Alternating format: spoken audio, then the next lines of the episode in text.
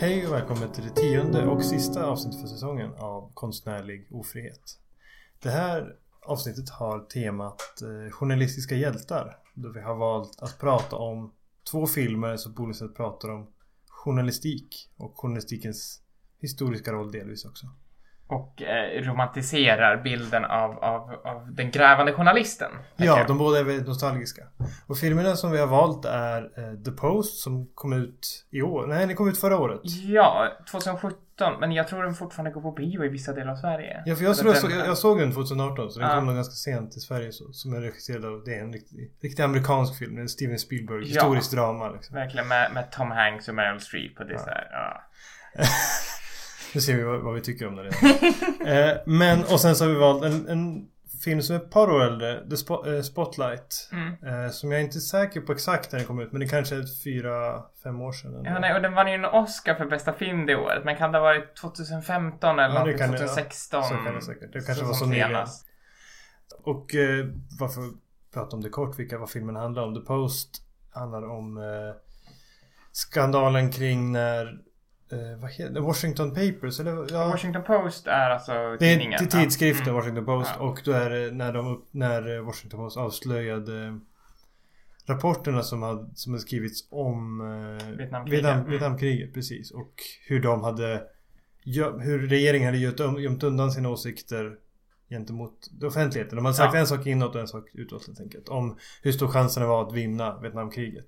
Exakt. Och det, det var Daniel Ellsberg som var själva the whistleblower som läckte det här. Han han är ganska känt namn, men den här filmen fokuserar inte så mycket på honom, men utan mer de som skrev artiklarna, eller liksom, ja. Precis. Och sen så Spotlight handlar om annat form av avslöjande vilket var avslöjandet i Boston i USA när man upptäckte eh, att eh, det det stora problemet med eh, pedofili inom den katolska kyrkan. Ja. Och the cover-upen med det, att, att liksom eh, kardinalerna alltså visste om det här, och, men sen hade liksom flyttat runt ehm, olika präster. Så fort det upptäcktes så var det så här, men vi sätter dem på något annat ställe. Så, så gömmer vi det här problemet. Och det var ju det var en skandal som spred sig och visade sig ja, finnas över hela katolska kyrkan Mm. i stor delen av världen. Liksom. Många olika kyrkor hade det. Närmaste, de, de visade en lista i slutet av filmen på stora skandaler Mm. världen. Och jag tror det närmaste, det var ingen i Sverige men det var i Trondheim i Norge. Det var det Mm. närmaste som var, som var Sverige så att säga. Så vi tänkte vi ska börja med eh, The Post eftersom den ligger liksom först historiskt så att säga. Så nu spelas ju på Är det 71. 70, ja, 71. Mm. Mm. Så det är nog, om vi, om vi återkopplar till förra avsnittet när vi pratade om Martin Luther King och eh, Malcolm X och deras relation till Vietnamkriget. Martin Luther King blir skjuten 68. Mm. Eh, så nu är vi ja, några år efter det och Vietnamkriget pågår fortfarande Mm. och är eh, och Nixon är president. Och eh, ja, Ja, för, det, för det, han spelar en väldigt stor roll i den här filmen just som det handlar om att Historiskt sett så det börjar ju, och då börjar även filmen i, i att ehm, New York Times publicerar utdrag ur den här rapporten då, som de har upptäckt. Eh, vilket gör att Nixon eh, ställer dem inför rätta. Mm. För att de publicerar hemligstämplade, hemligstämplad information helt enkelt. Mm. Och när, i samband med det så får även eh, Washington Post tillgång till de här dokumenten Mm. vilket gör att de har möjlighet att publicera Nej, de har, de har längre tid på sig att tänka ut hur, när ska vi Hur ska vi Mm. publicera på bäst sätt liksom. Och då blir det Den debatten om ska vi publicera, ska vi inte publicera Och hur det sen Konsekvenserna av det är ju lite vad filmen handlar om Ja.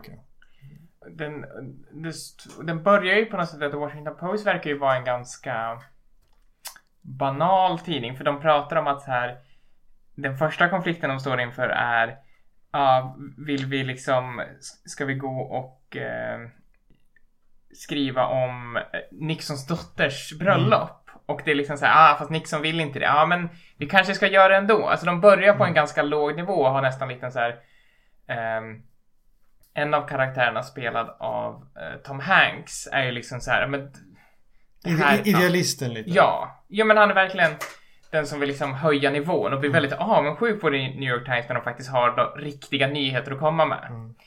Och sen den andra eh, stora huvudkaraktären är ju spelad av Meryl Streep som är hon som äger tidningen. Och liksom också har lite så här problem, eh, ja men hon med den liksom finansiella biten av, av eh, den här kontro- kontroversen. Vad kommer hända med liksom de som eh, köper bitar av företag? Alltså, Ja, för, för en bakgrund till den här Ja.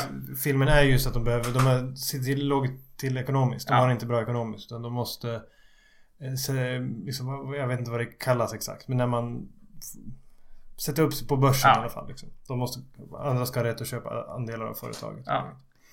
För det, och det är ju liksom en två delar i vad, vad vi pratar om där liksom. Att det finns en konflikt här mellan eller inte konflikt, men det finns två delar i, i filmen där de pratar både om att det här eh, Washington Post är en local paper, som de kallar det. Eh, samtidigt som det också är en att det handlar väldigt mycket om medias relation till makt. Mm. Och de två går väldigt mycket samman eftersom det är en local paper i Washington. Mm. Vilket gör ju att de här känner de har känt presidenter, de pratar mycket Ja. om deras relation med Kennedy, familjen. Och även, eh, jag tror Lyndon B Johnson Mm. nämns. Jo men det, Ja. det, det, det tror jag. Jo men det nämns att de åkte iväg. Ja, Ja. precis. Träffade dem. Eh, Och även deras relation med liksom, ministrar. Och då blir det Mm. speciellt relevant i den här filmen som är det centrala är att han som var med och skrev den här rapporten. Som då hela Mm. liksom, avslöjandet handlar om. Är väl Robert McNamara. Bob McNamara. Ja. Någon McNamara i alla fall. Jag kommer inte ihåg vad han heter i förnamn. Men som var försvarsminister un- under en period under Inte under Nixon, det var ju tidigare. Mm. Det här är ju efter han är försvarsminister som det här uppdagas. Eh, som är väldigt nära vän med ägaren av tidningen då. Mm. Eh, så att det är ju teman som är väldigt starka i den här filmen. Just liksom relationen mellan media, personligheter, medieägare och makten som Ja. styr. Eh, först då kanske skapa till, vad, vad tycker du om filmen? För du har sett den tidigare. Ja, jag såg den på bio. Jag såg Mm. den inte på SF utan jag såg på en liten Folkets bio hemma i Skutskär. Så ett annan bioupplevelse kanske. Men jag tyckte att Jag tyckte den var bra men jag tycker att den har ett problem som många amerikanska filmer har när de exporteras till andra Mm. länder. Vilket gör att de diskuterar väldigt historiskt viktiga händelser för Mm. amerikansk historia. På ett sätt som gör att personer utanför USA kanske inte alltid förstår det. Mm. Jag minns att första gången jag såg det så var det väldigt mycket namn och mycket bara ansikten som drogs Ja. förbi. Som jag förväntades veta exakt vilka det var för att det här är en amerikan, så en stor amerikansk händelse. Mm. Så många känner till den i USA. Alla antagligen. Det är väldigt många i alla fall. Vilket gjorde att jag som liksom icke-amerikan kom in och kände att jag hängde inte alltid med. Nej. Det gick lite för snabbt så att säga för mig för att och det är, tycker jag är ett problem som vissa sådana amerikanska historiska filmer, Spielberg-draman liksom, kan Mm. ha ibland. För i vissa fall så spelar det ingen roll. Jag menar, hans, är det var, var det han som gjorde filmen om eh, Lincoln? Ja. Ja, den kände, där kände jag att det inte var riktigt viktigt. För det var det bara att, ja men det, Lincoln vet man vem det är och så är det Mm. sidokaraktärer liksom. Men här var det ändå att de här aktörerna i dramat kändes som att jag förstod inte hur viktiga de var Nej. helt enkelt. Så det var ju mitt första intryck när jag såg den första gången. Och det var, det var det mindre andra gången för att nu hade jag ju sett filmen. Mm. visste jag vilka de här var. Vad kände du? Eh, ja, men, alltså jag, tyck, jag tycker som film så tyckte jag ändå den var ganska bra. Eh, jag kanske att jag hade lite bättre koll. Alltså nämna att vissa namn så förstår jag den vikten av, ja men det här är Daniel Ellsberg och så vet jag Mm. The Washington Papers liksom. Eh, sen som de här nyhetspersonerna har man ingen aning om men det är också för att de är inte så pass kända. Eh, eller få av dem har liksom minns eh, har liksom minns i populärkulturen mer än det här. Var, I min uppfattning i alla fall. Men eh, så jag kände liksom att så här, det var en kompetent gjord film och det är, så här, det är Spielberg och så är det Tom Hanks och Meryl Streep och de är alla jätteduktiga och jätteerfarna på vad de gör. Men jag stör mig också på det. Jag stör mig på, på hur, liksom så här, Tom Hanks spelar så himla väl den här eh, någon har kallat honom America's Dad. Mm, jo men verkligen. Ja, och han liksom, han, han är, han är liksom så här, han är en riktig man men samtidigt också väldigt mysig och liksom Mm. omhändertagande. Han är verkligen liksom en så här pappafigur. Ja men det finns ju, det här är ju en genre liksom. Ja. Alltså amerikanska filmer som är så här Oscars, där man vet att de kommer få en Oscar eller två. Eller en Oscarsnominering i alla fall. Liksom att de är lite gjorda för en viss sorts amerikansk filmindustri liksom. Alltså att det... Exakt, och det är liksom så här, och Meryl Streep är också så himla duktig på det här att allt hon säger låter som att hon, det är viktigt. Mm. För hon skådespelar på ett visst sätt som gör att det liksom, hon är väl så här, hon är någon få amerikanska skådespelarna som spelar som att hon är en brittisk skådespelare. För hon har den, den teatraliska uttalet. Hon har en väldigt, eh, nästan så här fin, fancy accent som Ja, för, pratar med. för den här familjen, det är ändå någon form av liksom, det är inte en adelsfamilj men det, det är den nivån av borgerlighet att det nästan blir det. Mm. Utifrån att det är liksom Det är de här liksom rika familjerna som ägt tidningar i flera Ja. decennier liksom. Jo, för hon har ju ärvt den här tidningen från sin pappa, eller hur? Ja. Precis.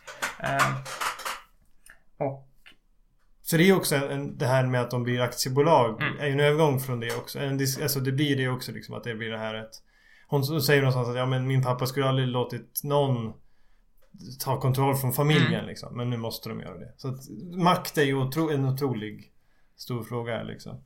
Men det är också en film om jag tänker där skiljer det sig lite från Spotlight som vi kan prata om. Det är senare. Det det är en film som handlar väldigt mycket om yttrandefrihet. Mm. För det är en väldigt samtidskommenterande film skulle jag ändå Ja. säga. För att det, det, är en, det är en väldigt liksom Det är ju en film som jag i alla fall tolkar Mm. väldigt mycket en, en, Trump-reaktion. Det är ju en film Oh, som ja. handlar mycket om liksom en Ja men där kommer ju in med, med så här eh, medias relation till makt. Mm. Eh, medias liksom roll, alltså förhållande till sanning och att det är en form av upprättelse för media. Mm. Det här var Media har sitt syfte liksom. Ja. Som, som, att, som att avslöja makten på något vis.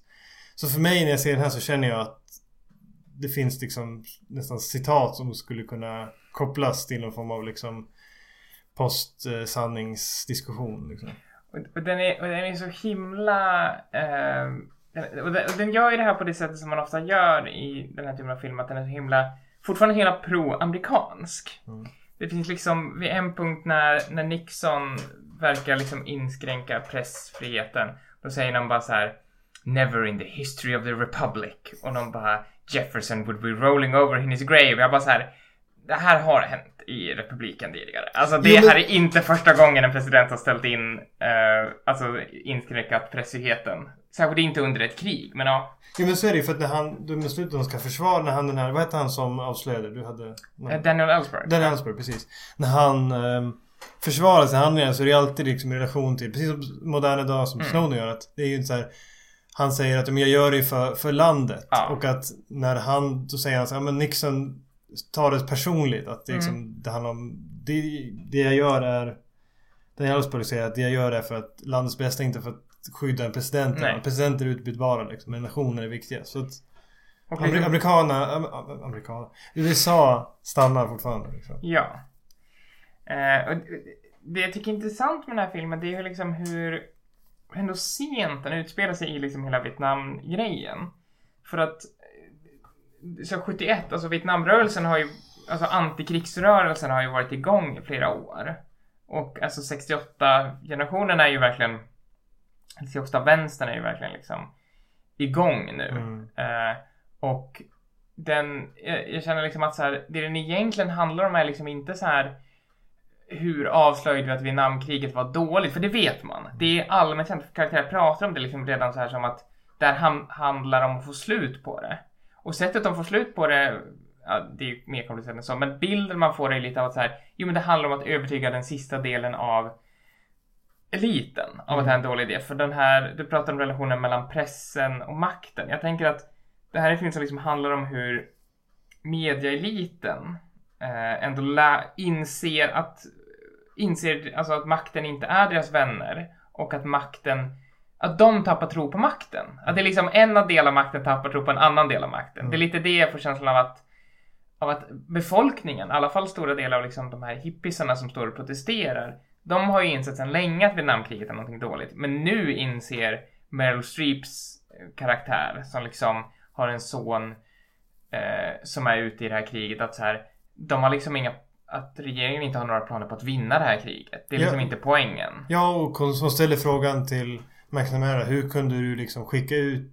Hur kunde du veta att kriget inte kunde vinnas och ändå låta mig skicka ut min son? Liksom? Mm. Ja. Att det finns ett, finns ett personligt förräderi någonstans Mm. där. Mellan liksom olika... Inom den klassen i samhället.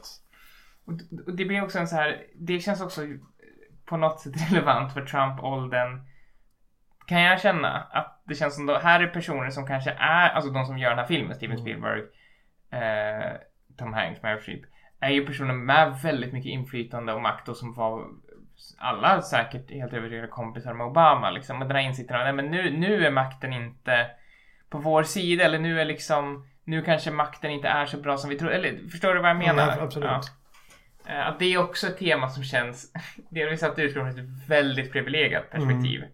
Men också som att det känns relevant för eh, Trump-eran. Eller ja, relationen mellan media och, och eh, president och Vita huset i Trump-eran. Ja, och som då är mycket mer fientligt Mm. än det var tidigare när det var mycket mer en vänskapsrelation kanske tidigare och även varit under tidigare Och presidentskap. även eh, under Bush också var det inte alls på det här sättet. Liksom. Mm. Eh, Ja, för det blir ju inte en tydlig konsekvens av hur, filmen är och lite, Mm. eller slutet av filmen tänker jag när de Jag vet inte riktigt om de här, det är det är film, det är ju um, ljudklipp när Mm. de pratar med Nixon. Jag antar att det är liksom inspirerat av några samtal som Ja. har spelats in eller något sånt där. Det är ju inte faktiska samtal. Men, men just det här Nixon säger det, men jag vill aldrig, aldrig låta Washington Post komma Ja. in i Vita huset igen. De får inte komma på någonting liksom. Och det känns ju som en sak som Trump kanske skulle säga. Så det finns ju väldigt tydligt Ja. att man vill koppla Nixon var som... Eller Trump är som Nixon. jo men han har ju gjort det rent konkret med vissa andra, jag vet inte vilka nyhetsföretag det är. Mm. Men det har ju hänt att vissa får inte komma på pressbriefing. Eh, Och det, och det vet jag inte, jag tänker att det är ganska liksom, speciellt också att likna eh, Trump med en annan mm. president på det sättet. För medan Nixon kanske är en av de mindre populära amerikanska ja. presidenterna då. Men, men det är ändå liksom en... Jag, jag har, jag har förstå, eller jag har förstått det som att man ändå hyllar sina presidenter ganska Jo, högt. ja men det, det är ändå sådär att man vill gärna, gärna distansera USA från sina... Alltså när vi har en dålig president så vill man distansera det från amerikansk historia på ett sätt. Mm. Att Trump är nå- någonting unikt dåligt. Mm. Så då får vi ofta jämförelser med liksom, tycker jag mycket man kan se med så här eh, diktatorer från utomlands eller liksom demagoger och liksom sådana där saker. Men det är väldigt sällan man säger så här Trump är som Reagan. Mm. Liksom. Den, den jämförelsen För då är jag, inte jag lika känner vanlig. mig att det är någonting fel med själva lands Ja. eller presidentskapet liksom. Nej, och jag, jag tänker ett annat tema som som går igen här också förutom det med makt och media och sådär liksom. Där är just, eh, jag tänker ekonomi. Mm. Och det som vi har varit inne lite på att de, behöver, de har dåligt med pengar så det behöver liksom köpas upp och det finns ett ett problem om liksom vad, hur ska värderas. Det här är fortfarande, hur media ska värderas och nyheter ska Mm. värderas. Hur kan man sätta ekonomiskt värde på sådana saker. Och det här är fortfarande för tidigt för att det ska vara någon slags internetdiskussion. De nämner TV och att TV har blivit en grej Precis. och de tjänar mer pengar på sina TV-kanaler Så det är ju en, en, tidigare version av den Mm. liksom diskussionen. Internet tar över all, all media Mm. liksom. Så det, är- det är intressant att se liksom de, de diskussioner som finns idag som vi, och som vi även kommer att se lite i, i Spotlight Mm. senare. Eh, att det är intressant att de tas upp i en film på 70-talet redan liksom. Mm. Eh, men att det är andra um, Det är bara liksom andra aktörer som är problemet. Och det, det diskuteras ju samma sak i relation till Till film också. Tänker jag film som medium. Att, Mm. Jag vet många regissörer, det finns en Kortfilm av Wim Wenders som han där olika regissörer pratar om deras relation till TV och TV-serier. Och där såg vi att ja, men om tio år kommer bio vara död. För att Mm. alla kommer kolla på TV-serier. Bion är ju inte död. Men, Nej. men TV-serier är ju väldigt framgångsrika och Ja. mycket större än de varit fått ett annat konstnärligt värde liksom. Mm. Så att... Eh, det är ju intressant. Sen är det ju en väldigt... Det är en väldigt fysisk film. Hur tänker du? Alltså att den är ju... Den, I alla fall mot slutet så känner jag att... Vi pratar ju om att det, liksom, det finns en slags grävande Mm. journalistik idealisering här. Det finns det ju verkligen liksom. Men det finns ju även en liksom idealisering eller romantisering av liksom själva processen av att trycka en tidning. Ja, jag tänkte på det. också. Det är mycket sånt i slutet när de ska trycka liksom, den Mm. viktiga tidningen som ska avslöja allting. Att man ser varenda kugghjul i Mm. processen. Man ser, alla, man ser när de skriver den. Man, så skickar de den till korrek, eh, liksom redaktören som rättar stavfelen. Sen går de det till den som skriver ut i den maskinen som stoppar in i, i Mm. tryckmaskinen. Alltså det, varenda steg ser vi så otroligt tydligt. Så att man ser liksom hur, hur fysiskt det är att trycka en tidning. Mm. Jag bara väntar på att någon kommer till en modern framåtblick och så någon skriver en artikel på någon internetblogg och så säger, säger Steven Spielberg Det här är riktig journalistik. det är bara, jag bara väntar bara liksom att det Mm. finns så riktigt för att det blir så väldigt liksom När, ja de försöker göra så här, att det känns som att Mm. det är väldigt nostalgiskt på det sättet liksom. Ja, men det, det, det kan jag hålla med om. Att den, ja. Verkligen.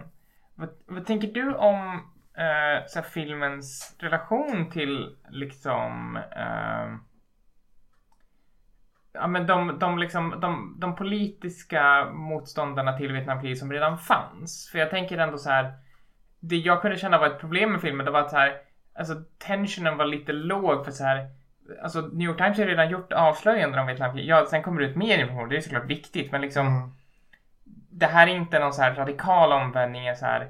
Folk har redan protesterat det här kriget fl- många, många år tillbaka. Mm. Vad tänker du det, att deras, dess bild är av liksom, eh, de här ungdomarna som står och med skyltar där det står liksom liar och en bild på Kennedy. Ja, de har ju en otrolig distans från det. Mm. Och den enda relationen som jag känner där de faktiskt får spela, förutom att de är med i det att de lämnar fram manuskriptet som Mm. en unnamed hippie Mm. lämnar fram manuskriptet liksom. Eh, till rapporten och sådär. Så känner jag att den den största roll är att ta upp ett tema som inte riktigt är centrum för det här avsnittet kanske. Men som gör att den här filmen också är lite delad tycker jag. Mm. För att den handlar ju, ena, sidan har vi den här som vi pratade om, liksom Free speech, eh, anti-Trump-filmen som Ja. vi har här. Liksom, för det är ju en stor grej att de måste få säga, säga vad de vill säga Mm. liksom. Han har ju något citat, här redaktören. The only way to protect the right to publish is to publish. Mm. Eller the only way to publish. Han säger någonting i sin speciella dialekt. Men å andra sidan har vi ändå den som Meryl Streep är huvudrollen i den här filmen. Vilket är kvinnors roll inom media är utsatt och de får inte en uppmärksamhet. För det är en väldigt stor grej i den här filmen ändå. Och där tycker jag att där spelar hippiesarna en större roll. Mm. För jag tänker när de går ut från eh, domstolen och de får det här liksom upprättelsen ändå delvis liksom. Nå, Och så går hon ner för trappan. Hon gör inget tal som de andra gör, New York Times gör. Men hon, det står liksom ett hav av kvinnliga hippies som står där och bara beundrar henne. Mm. Där spelar hippiesarna roll. Mm. Annars så är de inte alls med i den historiska processen överhuvudtaget. Tycker Nej jag. men, filmen. nej men det är det jag tänker att så här, eh, jag kan uppskatta vissa saker den här filmen gör är att så här, hur det handlar om hur de här personerna inser liksom att makten att de har gjort ett misstag att ha makten som, som, som sin kompis. Det är det jag tänker liksom att Tom Hanks och Meryl Streep håller liksom tal när de eller det är Tom Hanks som berättar om när Kennedy dog. Mm. Och liksom då sa Kennedys fru att så här, du får aldrig citera någonting han någonsin sa. Mm. Och liksom då insåg han, jag menar, uh, jag har behandlat honom som en vän, inte som en källa. Men det var liksom fel. Vi hade, det var inte så relationen egentligen var. Och Meryl Streep säger liksom någonting liknande. Eh, det är delvis intressant för jag tycker att den ändå, det den gör bra är att den ändå tar in de här liberala presidenterna, Kennedy, Lyndon B Johnson och skyller inte allting på Nixon utan de är delaktiga i det här misstag, misstaget, det här liksom brottet som Mm. Vietnamkriget var. Eh, samtidigt så tycker jag det är liksom, det känns som den ger mindre credit till då eh, fredsrörelsen än vad, vad, den, vad den förtjänar som ändå hade varit på bollen på det här tidigare. Utan det är liksom, ja. Ja, för det här blir ju bara liksom ett insideravslöjande. Ja. Det blir ju en, en visselblåsarhistoria bara Mm. liksom i slutändan. Utan det blir ju inte kopplat till något slags större politiskt landskap. Nej, och det är också intressant att. Ehm, det är också intressant hur de framar det som problemet med, är med Vietnamkriget. Att det är bara så här, jo men det är att det är så många amerikanska soldater som dör. Tänkte du på det att det så här, de pratar bara om så här hur jobbigt det är för liksom, den amerikanska övermedelklassen. Att deras barn, på grund av att de har liksom en eh, allmän värnplikt så skickas ju ja, många unga män från alla samhällsklasser ut i kriget. Och det är ju såklart jättetragiskt liksom hur bara de bara offrar liv på det sättet. Men vietnameserna nämns inte. Mm. Det finns en, eh, för att dra en koppling, det finns en amerikan, nej, en brittisk komiker eh, som heter Frankie Boyle och han har en stand-up rutin där han säger att det värsta med USA är att de kommer och invaderar ett land, mördar ett folk och sen kommer de tillbaka 20 år senare och gör filmer om hur ledsna alla soldater var av att mörda ert folk. Och liksom så här, det var så jobbigt för våra soldater att mörda era barn. Uh, och jag, jag hade svårt att inte släppa det att liksom alla vietnamesiska liksom hus som Nixon bara bombade hejvilt. Alltså liksom det fanns så här, man attackerade öppet civila. Det var en del av metoden i slutet av Vietnamkriget.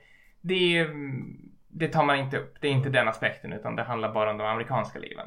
Ja för den, den börjar ju i... Den första scenen är ju Vietnamkriget. Mm. Det är ju själva kriget så att säga. Och sen blir det hoppa man framåt i historien efteråt. Men, men det, precis.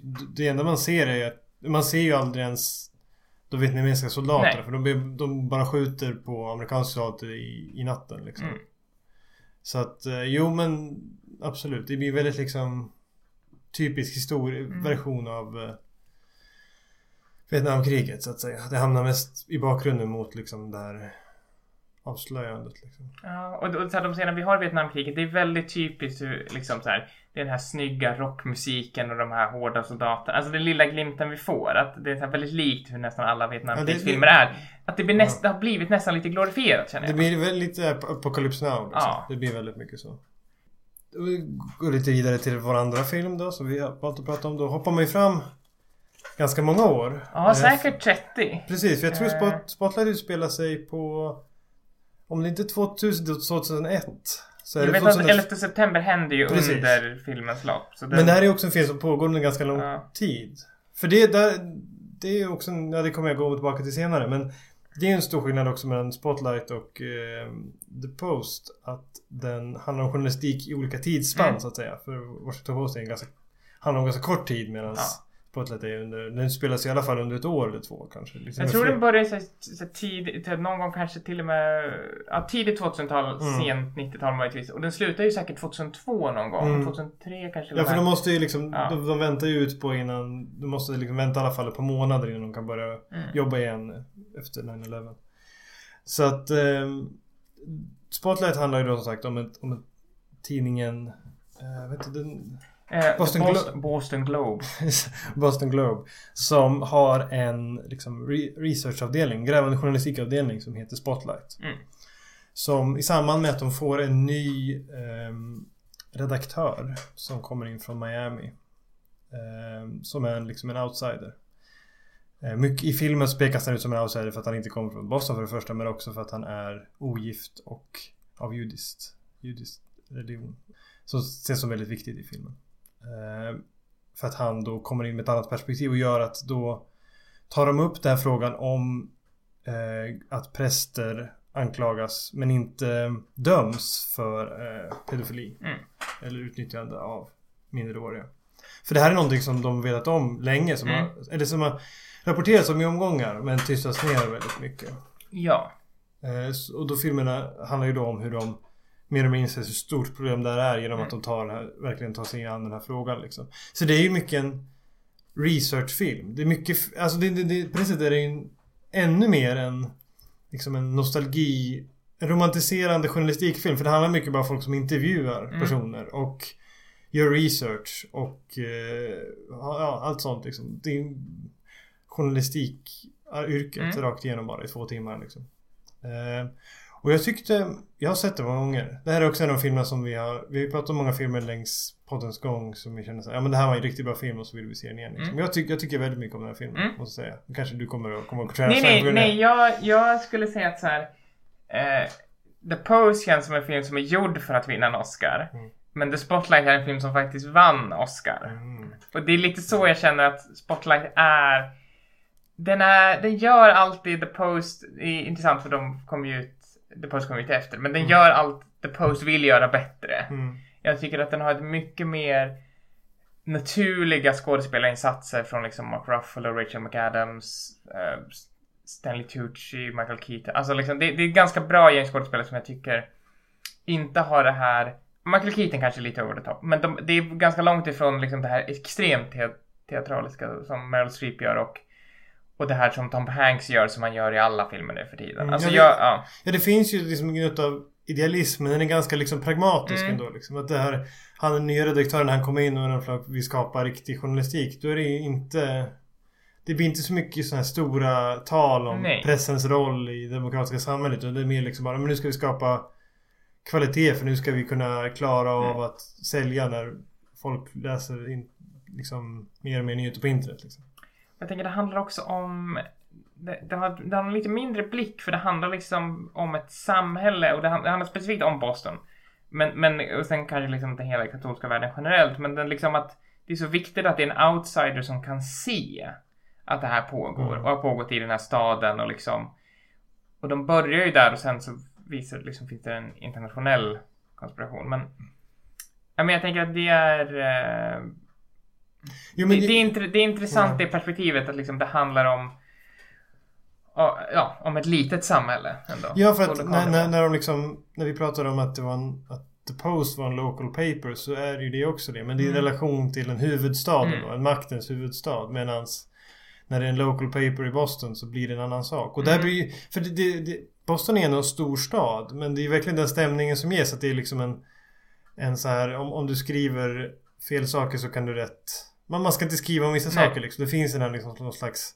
Om man ska kalla det... I alla fall stereotyp syn Mm. på småstadssamhället liksom. Mm. Där det finns... Finns en viss ordning som ska upprätthållas liksom. Och i det här fallet så är det en ordning som byggs upp av eh, kyrkan, liksom, Ja. katolska kyrkan som har en ot- otroligt stor... För det finns ju jättemycket irländska invandrare Mm. i, i Boston. Det är liksom, eller andra, tredje generationens vid det här laget. Men ändå alltså, ja. Och de säger att, fem, vad säger i början? att 56% av vår readership är, är katoliker. Mm. Så man ska inte... Och många av de som jobbar på det är också det. Eller, Ja. all, eller de flesta som är ju det liksom... Du pratar ju om att alla de som är med i den här researchgruppen, Spotlight då. Att de är raised catholic. De Mm. har liksom... När de var unga gick de i kyrkan men sen har de liksom kommit ur. Mm. Tro, inte tro nödvändigtvis men de går inte i kyrkan längre liksom. Så det är en slags... Där finns det också, de är, de är inte outsiders men det finns Nej. en annan distans till katolicismen liksom. Mm. Ehm, men jag tänker hur... Den skiljer sig på, på flera sätt. För ja, lite stämningen också. Det, är- det är Mm. väldigt liksom... Att även ordet lugn är kanske fel. Det är lite generaliserande. Men jag tänker att den, den, den drivs ju vidare av ett väldigt liksom... Enkelt piano-soundtrack. om vi ska Mm. säga Så, liksom. så det blir väldigt liksom... Långdragen film. Och det är väl lite det jag menar. Alltså på ett positivt sätt då. Den, är lång, den känns väldigt Mm. lång liksom. Och det är det jag menar lite som... På det sättet så känns ju The Post mer modern journalistik än Spotlight. För Spotlight, det är, det är researcharbete. De, de tar sin tid. De spenderar två, tre år med den här storyn Mm. liksom, och arbetar. Medans eh, då känns ju The Post mycket mer modern i att man upptäcker någonting Mm. och så ska det publiceras nu. Du har f- tio timmar på dig. Du måste du, du har till deadline liksom. Att det, det finns en annan hets. Eh, samtidigt som den, på, den utspelar sig tidigare i historien Mm. så att säga. Så det tycker jag är en intressant liksom, jämförelse mellan de två. Mm. Ehm, men som vi tog upp tidigare med The Post så är ju ekonomi är ju, ekonomisk utsatthet av media är ju också ett tema där. Men det är det ju även i Spotlight. Eh, speciellt det- då är relation till internet readership så att Mm. säga. Ja, och det, och det är ju fortfarande early days Mm. för det. Men det, det, det märks ju att det liksom är, är på väg eh, i, i den här filmen. Mm. Att det är runt hörnet. Och att de måste hitta sätt liksom att vi mer vilja bli lästa. mm. Och det tänker jag att det känns som en ganska vanlig, inte lösning kanske, men en- bara sätt att hitta en lösning på att vara mer Mm. liksom vilja bli läst av journalister. att säga, men nu ska vi göra riktig journalistik. Nu ska vi Mm. gräva djupt. Nu ska vi liksom grävande journalistik. Liksom. Jag tänker att en, en dag kommer det väl en, säkert en film om Panama-papperna. Ja, Då kommer den vara lite i den här stilen tänker jag. ja, men antagligen. Att liksom, men dagens journalistik är så ytlig. Mm. Det är så här klickjournalistik liksom. Men vi ska gå tillbaka till rötterna. Den Ja. riktiga journalistiken när vi liksom fight the power på något vis. Eller någon, ja, jo, jo men alltså. ehm,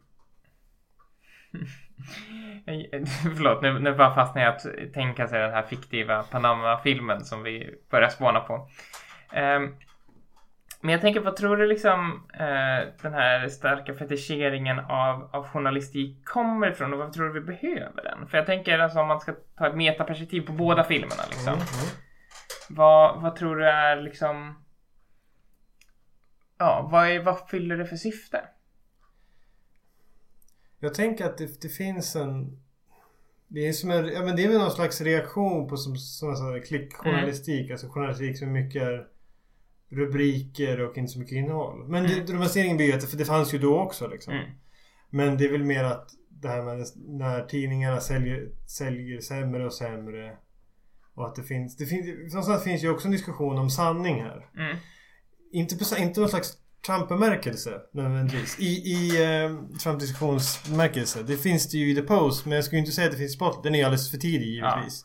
Men där är det mer liksom att det finns ju mer en, en romantisering av journalistik som hantverk som sanningssökare. Mm. Liksom. Att det finns slags vetenskaplig del av det. Liksom. Att vi, vi är de här liksom jagare av empiri. Vi ska Mm. ha de här, någon slags Noam Chomsky sätt att bedriva vetenskap. Men att, att så här, Eh, nu ska vi bara liksom hitta allting och vi ska, vi ska ha så mycket fakta som möjligt. Ska vi bara komma ut med det här så ska vi säga sanningen. Hur, hur det egentligen är. Vi ska visa hur liksom, samhället egentligen är byggt. För det, det här är mycket tydligt genom film att vi ska liksom inte hitta personer. De ska inte, de ska inte kunna gömma ner med att det här är enskilda präster utan de ska liksom find the system. Mm. Liksom, lösa det hela. Så jag tror att det är en, det är en kombination av att liksom ett, ett klick... Ett... Um, ja men klicksam... Inte klicksamhälle men klickjournalistik. Ja. Kritik av det i kombination med att hantverk, alltså journalistik som hantverk inte är likadant längre som det var en gång i tiden. Jag tänker att här, innan klickjournalistik så pratade man mycket om the 24 hour news cycle. Alltså, alltså när CNN blev en grej men även så här Fox News. Alltså så här, nyhetskanaler som är på hela tiden. Och därför har ett behov av att sensationalisera allting. Att liksom, det måste alltid finnas någonting att prata om och det måste alltid vara liksom färskt. Att innan vi pratade om klickjournalistik så, så var det en stor del av diskussionen av liksom hur ja, de sen, sensationella som fokuserar, de sensationella nyhetsinslagen som, som fokuserar på väldigt små frågor men blåser upp dem.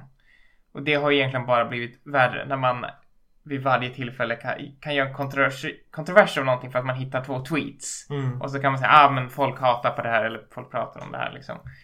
Um, så jag tänker att en reaktion på det. Sen så tycker jag också att det är intressant för du nämner Chomsky. Och jag Mm. tänker att så här, den här bilden av, av media. Det här blir kanske mer relevant för The Post egentligen. Men att om man skapar en bild av att media är kritisk mot makten. Då, då finns det ju också en tendens att lita på media. Mm.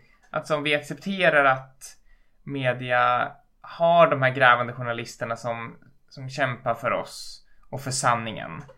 Då kanske vi inte tänker på alla de gångerna där de har varit passiva inför makten. Mm. För The, Post var ju massa år, och The New York Times massa år innan. Där de helt liksom reproducerade bilden av Vietnamkriget som fanns i som Nixon och Lyndon B Johnson och Kennedy ville Mm. att de skulle göra. Eh, och jag tänker att det är också en aspekt av det där. Liksom, ja. Jo, det finns ju väldigt liksom media... Alltså det är väldigt mediapositiva Mm. givetvis båda två. Och jag tänker att det är lite det som de... Alltså att de gjort sämre, varit sämre förr. Kines, båda filmerna försöker problematisera det. Men kanske inte alltid gör det så bra. The Post kanske gör det som mest lite. Mm. Alltså att... Ja men det är som vi sa med relation till makten och sådär liksom. Men Sparklight gör ju det ju som att de, de inser mot slutet att de de har vetat om det hela tiden. Mm. Att de inte gjorde någonting. Men det sätts ju inte i relation till deras, alltså deras roll som Nej. tidning. Utan det är mer så här, men vi, vi bodde alla i den här staden. Vi Ja. borde förstått att det här pågår. Så det är mer, mer den här småstads eh, situationen Ja. igen. Som är liksom det som de tänker tillbaka till. Inte att vi som tidning borde haft ansvar att rapportera om det tidigare. Eller vi, vi borde tänkt om hur vi rapporterar och sånt Men där. det handlar mer om att bryta sig ut den här liksom masspsykosen. Ja. Det här konsensussamhället som finns i Boston av liksom det här är ingenting vi pratar om. Fast vi We all knew something was going Mm. on. Eh, som Keaton säger. Eh, och det är liksom, det, det, det, ja, men det är mycket det, här skildringen av liksom ett slags uppvaknande för ja, en befolkning ändå i relation till, till och det blir annorlunda för makten här är ju liksom katolska kyrkan. Mm. Och det är absolut eh, väldigt mäktig liksom, institution. Men det är annorlunda än Vita huset känner jag. Det är, ja, ja, men det, blir- det blir ju också det där med att det, det blir mycket mer lokalt men Mm. ändå så, så stort på Mm. något vis liksom. Så att, och det blir mindre personligt. Det, det känns ju ändå som att när de, när de går emot i The Post när de går emot systemet, när de går Mm. emot regeringen så är det de här Det är presidenten. Mm. Medan de pratar om cardinal law, alltså som han heter då. Mm. I, i Spotlight. Men där känns det mer som att det blir som ett koncept. Mm. Han är inte så honom som person. Han som person är med väldigt lite i den filmen då. Han, är, han dyker upp ett par gånger och man hör honom att han har ringt karaktären något sånt där liksom. Så att det blir mer liksom en gå upp mot en institution. Snarare än... Och så därmed blir det ju mer kritisk mot ett system. Jag menar, Mm. den är inte... The Post är ju personfixerad då. Även om det blir ju flera personer. Men den är inte så här... De säger ju inte nu ska vi gå upp mot staten. Nej. Nu ska vi upp mot regeringen. För det blir väldigt nära nu ska vi gå upp mot USA. Liksom. Och det, de gör en poäng av att presidenten inte är staten. Att det, det är viktigt att liksom Nixon tror att han är hela statsapparaten. Men poängen är att det är inte fallet. Och det är fel att presidenten tänker Det var lite så jag uppfattade det. Absolut. Medans, eh, ja, medans så de, de går upp mot personen Nixon som har Mm. korrumperat systemet på något sätt. Ja, och det, och det, det visar väl också på vad, vad, vilka institutioner det är lättare att gå upp mot. Mm. Alltså det är lättare att göra en film kanske. För, mot den katolska kyrkan Mm. liksom. Och jag, jag, har inte rätt insikt i den katolska kyrkans roll i USA. Men vad, jag- vad jag minns så, eller minns vad jag har förstått så var det väl, det var ganska kontroversiellt när Kennedy han var väl den första Ja. katolska presidenten. Jo men för det, det associerades med, det fascinerande syn på religionsfrihet man hade men man var liksom och det här säger också hur religionens roll i USA förändrats väldigt snabbt under de senaste 50-60 åren. Att Kennedy var ju tvungen att gå ut och hålla tal om sig så här, jag kommer inte liksom lyssna på påven, jag kommer inte låta Vatikanen forma beslut, jag kommer liksom jag kommer inte låta min tro blandas in i politiken med andra ord. Uh, och han, ja, för att man, det var det man var väldigt rädd för när katolikerna kom till USA att nu kommer de ta över eh, liksom, eh, om de får rösta, om de får liksom få inflytande i politiken, då kommer det bara bli som att katolska kyrkan styr och då kommer vi bli av med vår religionsfrihet. Typ. Var liksom de protestantiska grupperna som många av dem hade flytt från eh, antingen andra protestantiska statskyrkor eller från katolska kyrkan i Europa. Mm. Så, men det är intressant att jag tror även om en katolsk presidentkandidat hade inte hållit det talet som Kennedy höll idag för religionen Egentligen efter Nixon. Eh, Reagan gjorde ju religionen till en mycket, mycket viktigare del av amerikansk politik än vad det hade varit innan. Eh, det var liksom en, en, ja. Och det kan man bara kolla på deras tal, liksom hur ofta man nämner Gud eller Bibeln eller Christ eller så här, sånt. Mm. Eh, att det förändras. Och även demokrater gör, alltså Bill Clinton och Obama nämner Gud mycket mer än vad Nixon gjorde. Till exempel. Ja, ja så det, och det, och det är ändå som, det är ändå kopplat till som vi sa med Ja. journalistikens roll och hur speciellt då i Spot- i Spotlight. Hur den, hur, vilka sorts institutioner som är okej att ehm, kritisera. Mm. Ja men liksom katolska kyrkan som vill lyfta fram sig själv som symbolen för god moral. Mm. Och liksom dömer andras sexuella eh, läggningar. Liksom som själv, ja. Eh, Som också har, har sån makt i det Mm. samhället liksom. Att de visar på hur de kan liksom gömma offentliga dokument och Mm. att de har liksom väldigt mycket. Just för att alla, det är så många som är med. Så att det Mm. blir liksom Ja. jo, men, jo men alltså så här. Man kan ju ofta prata om inom religionsvetenskapen är det ju liksom en fråga vad är skillnaden mellan en sekt och en religion? Mm. Och vi har ju en bild av att sekter kanske liksom beter sig på det här sättet. Att så här skulle det vara att gå upp mot scientologikyrkan. Mm. Men det är ju inte sån stor skillnad på att gå upp mot katolska kyrkan uppenbarligen. De har ju samma nivå av makt. Ja, och mer kanske Ja, och de definitivt. beter sig på samma sätt och håller på med samma eh, liksom Ja, de döljer sanningen och vill inte att viss information ska komma ut och liksom sätter människors liv i fara. Alltså. Eller i alla fall liksom Ja men utsätter barn för ja, våldsamma övergrepp. Ja, precis. Och som citatet som är i film också som jag i tidigare avsnitt råkade koppla till en annan film. Ja, just det. filmen. Ja. De tänker ju i århundraden, inte Mm. i, i korta loppet. Så de är ju... Den här skandalen är någonting som bara briserar förbi och så ja. går de vidare. Det var New Labour-avsnittet. Så tror jag vi Precis. pratade om kungahuset. Ja, och då, då trodde jag att det var en, från något annat. Men, ja. men ehm, eh, har vi några slutgiltiga intressanta kopplingar mellan filmer? Jag har en sån som, det Mm. brukar ju ofta, det har blivit så i slutavsnitt att vi gör så här intressanta små grejer som är kopplade till filmen. Jag har en faktiskt. Det finns en skådespelare som för de båda filmerna tillsammans. Med Ja. mig i båda.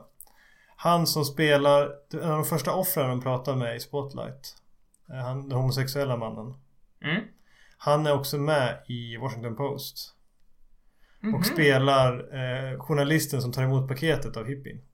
Jaha. Det är, samma, det är samma skådespelare. Så det tyckte jag var lite roligt. Det är alltid, det är alltid roligt när man Speciellt när det är lite sådana här Om det är stora skådespelare då är det ju ingen större grej. Men om det är några liksom små karaktärer eller mindre kända skådespelare. Då tycker jag alltid det är roligt när man När de går ihop Eller när man hittar dem på två olika filmer så att säga.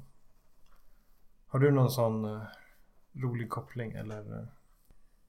Eh? Jo, eh, jo, men en intressant koppling det är att eh, The Post slutar ju med Watergate. Ja, Den precis. antyder ju till liksom den undersökningen. Det känns som att de kommer göra en andra film om det. Att de kommer göra eh, The Post 2, Watergate. Jag, Ja. jag tror det är lite så här att visa på att men Nixon sen går under. För det finns redan ganska mycket filmer om Watergate. Ja. En av de mer kända är All the President's Men.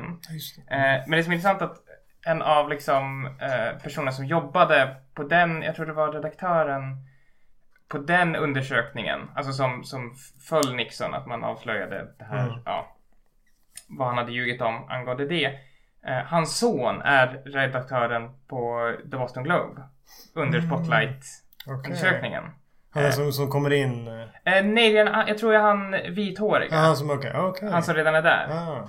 Eh, han het, de heter samtidigt Ben Bradley och Ben Bradley Jr.